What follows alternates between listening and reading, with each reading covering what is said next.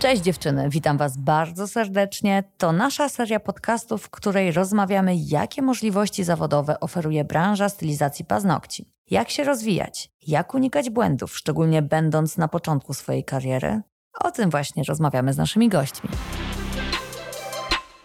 Dzień dobry, podcasty Indigo Magda Malaczyńska. Dzisiaj będziemy rozmawiać z Justyną, panią doktor nauk, inżynierem, Cześć, witajcie. Justynka jest reprezentantem kosmetyczni.pl i będziemy rozmawiać o tym, w jaki sposób my, producenci, możemy reklamować swoje produkty, czyli tak zwane deklaracje marketingowe. Dokładnie tak. Chcielibyśmy dzisiaj powiedzieć e, wszystkim słuchaczom, że w branży kosmetycznej to nie jest taka wolna amerykanka, że mhm. można powiedzieć, e, co się chce. To jest e, dosyć dobrze uregulowana działka. Mamy pewne ramy i ograniczenia wynikające z przepisów prawa i musimy się ich trzymać, więc to nie jest tak, że producenci nas oszukują. Weźmy zatem na warsztat jeden z najpopularniejszych produktów Indigo baza proteinowa.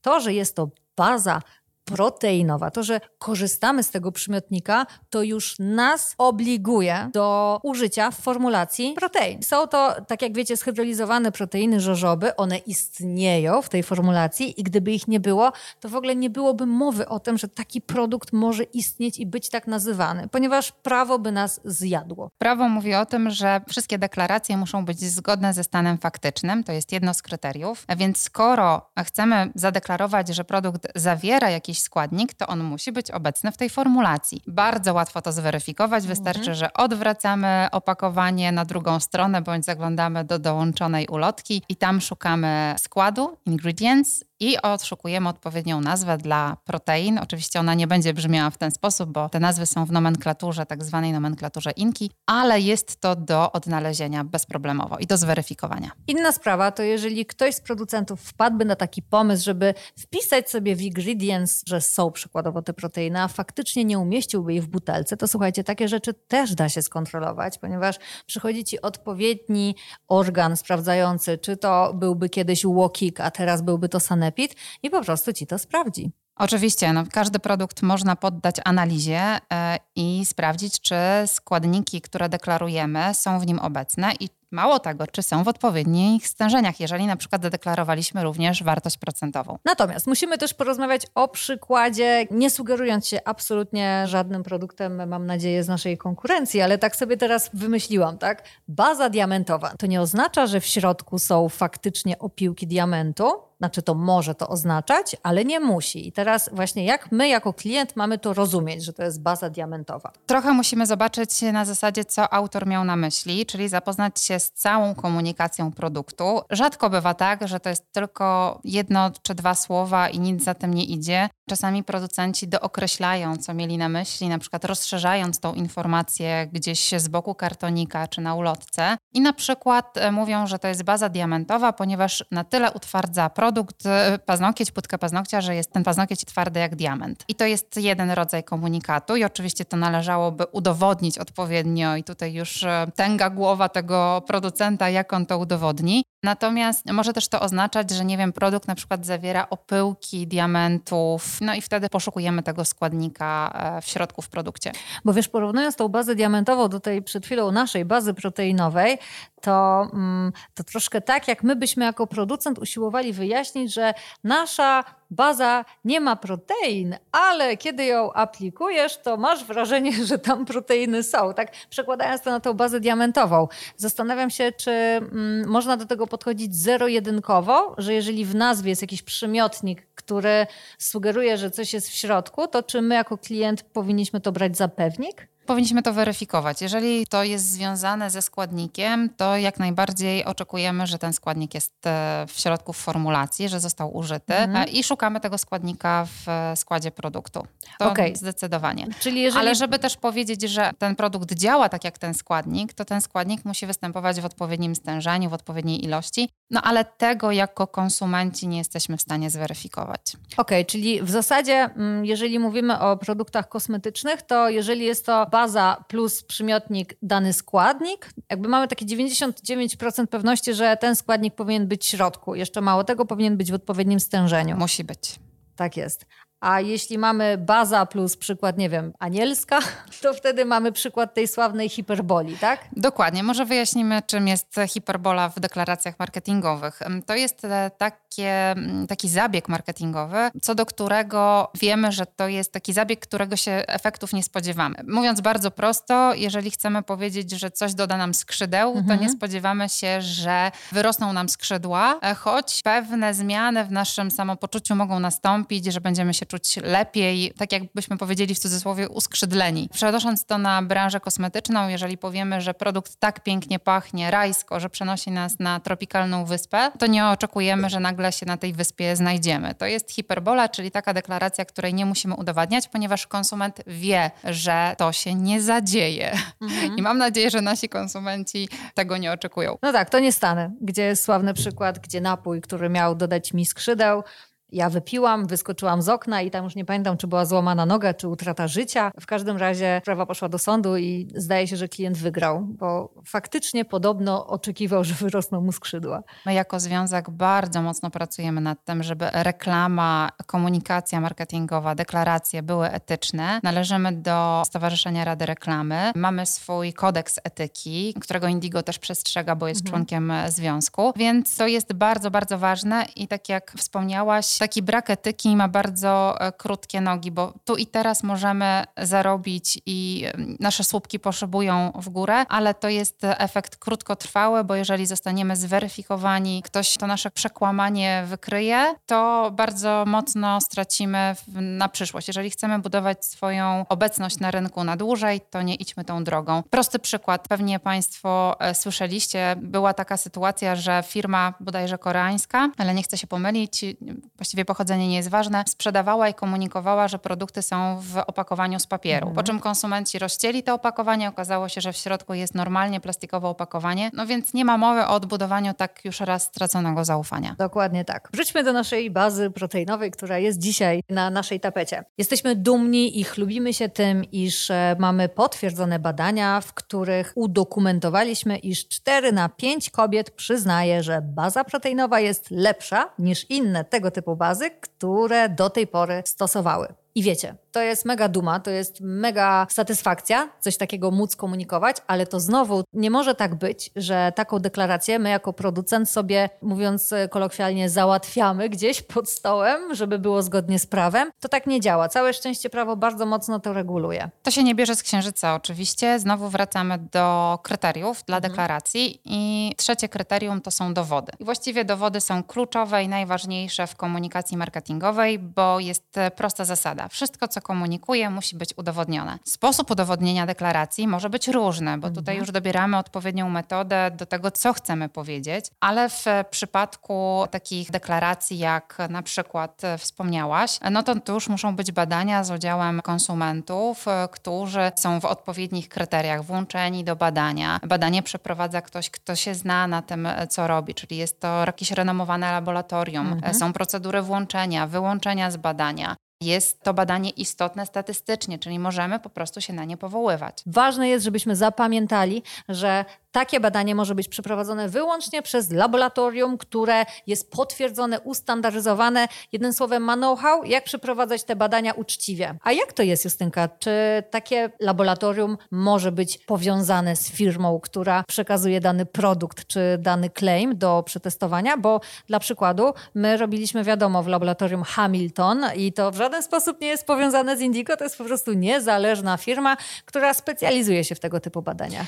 Zdarza się tak, że że niektóre e, firmy mają swoje wewnętrzne laboratoria badawcze i to jest jak najbardziej ok, tylko wiadomo, że muszą mieć procedury badań, tak żeby badania były prowadzone w sposób profesjonalny mm -hmm. i mhm. na zasadzie tak zwanej podwójnej ślepej próby. Mm -hmm. Czyli ani badający, ani ten, kto użytkuje dany produkt, nie wie, co podlega testom, żeby po prostu te badania nie były w żaden sposób naprowadzane, nakierowywane na to, co dana osoba, będąc w środku, o tym produkcie wie. Więc te badania są wtedy odpowiednio zakończone Badający nie wie, jakiego typu produkt jest badany. Oczywiście wie, jak on ma być używany, do czego jest przeznaczony, bo musi też zapoznać tą osobę, która będzie go testować z odpowiednim używaniem. No i oczywiście muszą mieć wdrożone wszystkie procedury i przyjęte standardy dla prowadzenia badań z udziałem ochotników. A to wszystko wynika ze standaryzacji Unii Europejskiej, zgadza się? Oczywiście mamy tak zwaną deklarację helsińską, której należy przestrzegać przy tego typu badaniach, ale temat rzeka.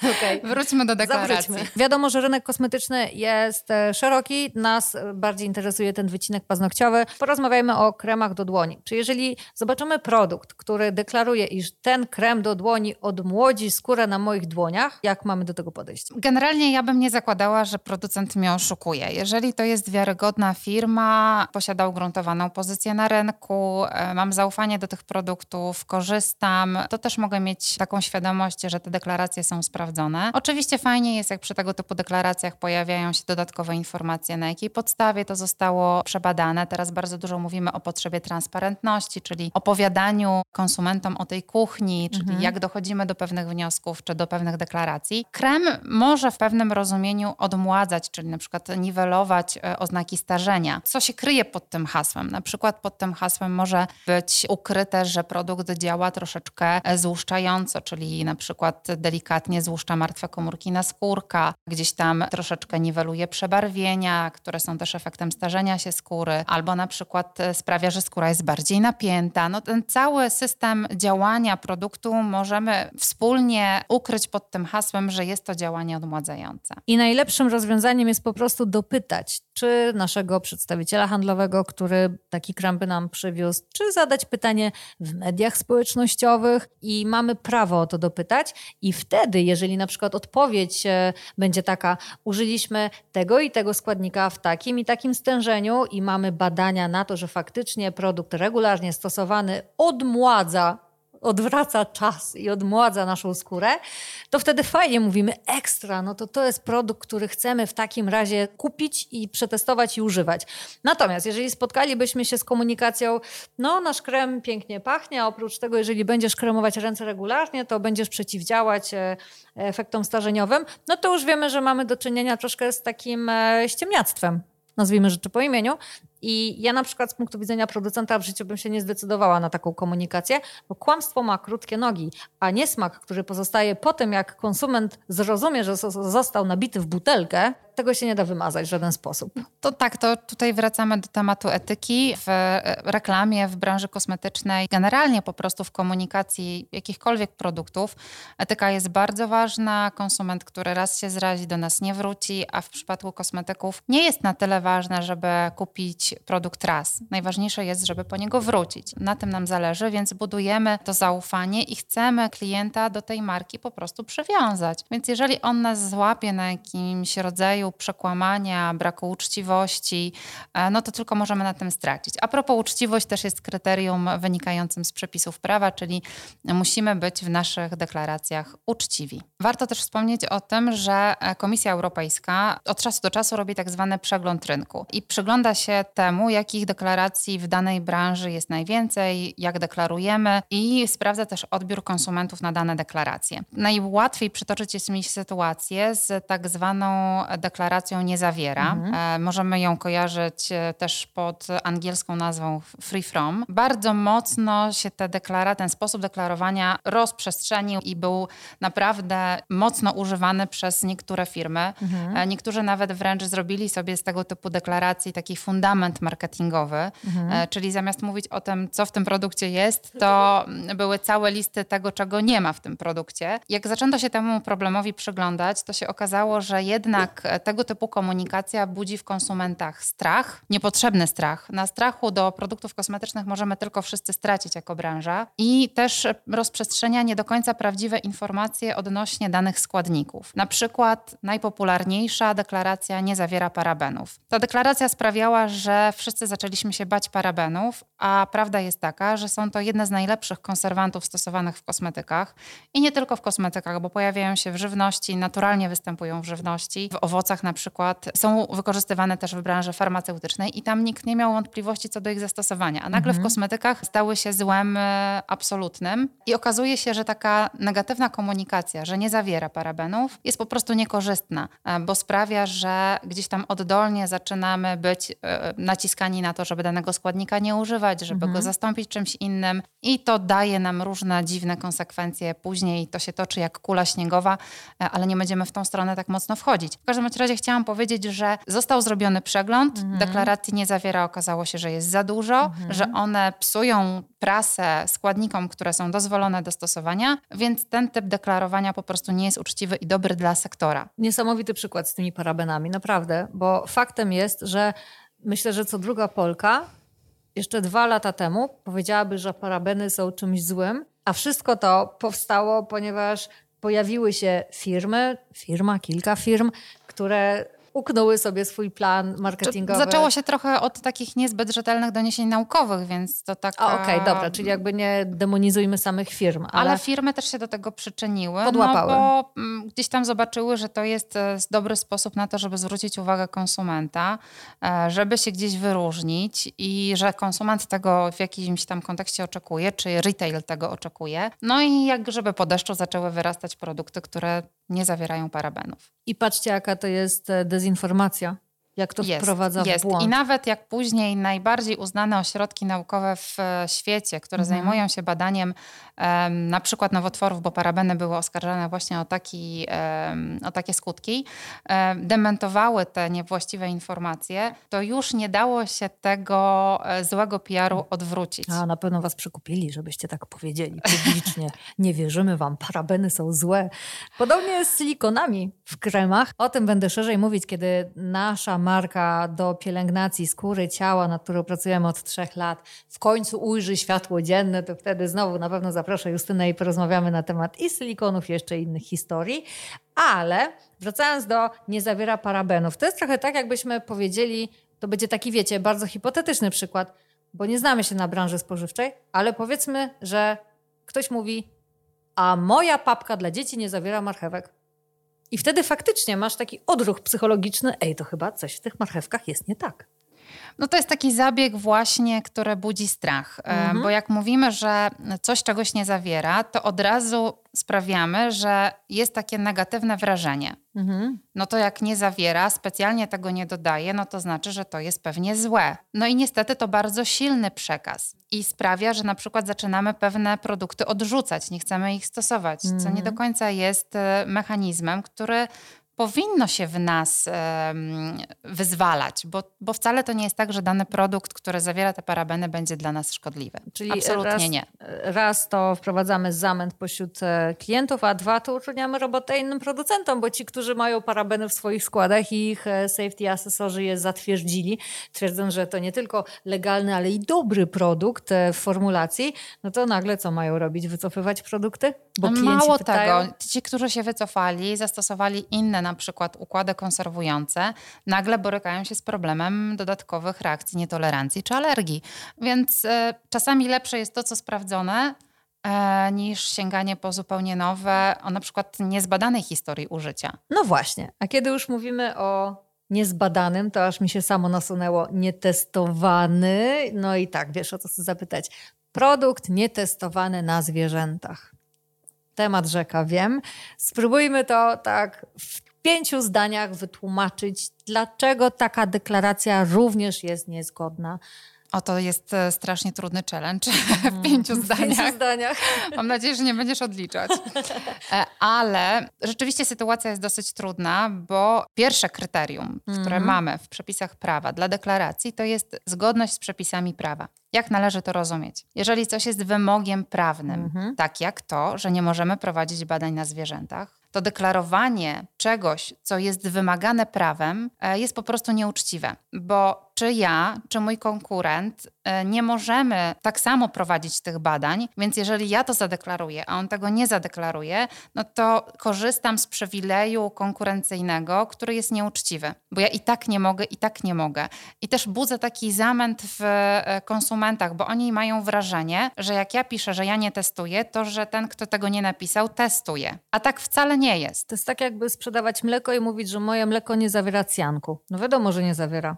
Dokładnie, dokładnie. Wiadomo, że nie zawiera, że nie może. I tutaj mówimy też o wymaganiach prawnych, ale ta sprawa z testami na zwierzętach ma niestety drugie dno. Mhm. Bo jeżeli mówimy o zakazie europejskim, no to to jest brak możliwości testowania składników, produktów gotowych od wielu, wielu lat mhm. obowiązujący w Europie. Ale jesteśmy um, globalni, bardzo często eksportujemy na różne rynki, korzystamy z surowców, komponentów z całego świata, więc to znaczenie testowania na zwierzętach może mieć szerszy wymiar. I jego znaczenie konsumenckie też się zmienia, mhm. czyli konsument sobie myśli i utożsamia kwestię nietestowania na zwierzętach na przykład z obecnością na rynku chińskim, gdzie wiadomo, że te testy są prowadzone, e, bądź też wymagane prawnie. No i tych przykładów moglibyśmy podać wiele, więc niektóre firmy, które prowadzą taką globalną działalność, mhm. sięgają na przykład po certyfikację cruelty free, bądź deklarują, że nie prowadzą tych badań w takim właśnie szerokim kontekście. I w tym szerokim kontekście, jak wypowiedziała się Unia Europejska, e, kiedy te kryteria wychodzą poza ten zakaz wynikający z prawa unijnego, takie oznakowanie może być zaakceptowane. No i teraz jednym słowem, nie możesz, ale możesz. I weź to wyjaśnij swoim klientom. To się skończy w taki sposób, że teraz my, trochę jak z tymi parabenami, żeby udowodnić, tak jakby mieć taką rację społeczną, że my nie testujemy na zwierzętach, będziemy musieli mieć ten certyfikat, bo jeżeli inne firmy będą go mieć, to jak my możemy go nie mieć? No jest to trochę trudne pod kątem konkurencyjnym, natomiast e, po to właśnie takie spotkania jak to, żeby budować świadomość i żeby też pokazywać konsumentom, klientom, że należy pewne informacje weryfikować i, i trochę więcej się na ten temat dowiadywać. Na pewno to, co kupujecie w Europie, to, co jest produktem europejskim, nie jest testowane na zwierzętach i to jest najważniejszy przekaz chyba z tego z tej rozmowy. I weźmy jeszcze na tapetę produkt bezpieczny. Produkt bezpieczny. Każdy produkt musi być bezpieczny, więc taka deklaracja nie jest dozwolona, mhm. E, bo znowu wracamy do tego kryterium pierwszego. Tak jest. Przepisy prawa każą nam wypuszczać w rynek tylko produkty, które mają udowodnione bezpieczeństwo, mają przeprowadzoną ocenę bezpieczeństwa przez specjalistę, którego nazywamy safety assessorem. Więc jak możemy powiedzieć, że nasz jest bezpieczny? Od razu sugerujemy, że ten, który stoi obok, jest niebezpieczny. A to nie ma miejsca, tak? E, oczywiście bezpieczeństwo każdego produktu na rynku musi być sprawdzone i tylko bezpieczne produkty są e, wprowadzane do obrotu. A czy kojarzysz w przeszłości taką komunikację w naszej branży?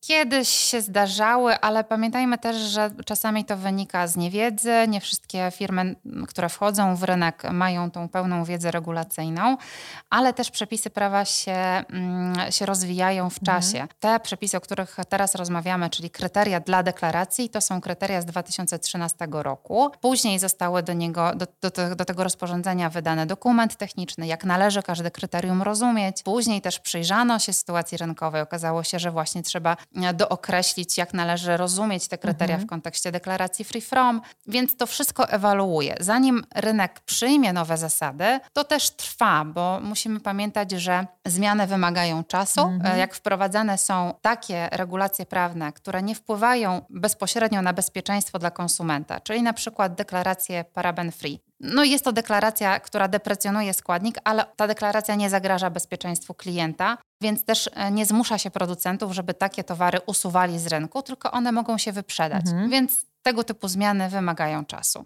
Justynka, bardzo dziękuję za rozszerzenie i przybliżenie wszystkich tych tematów.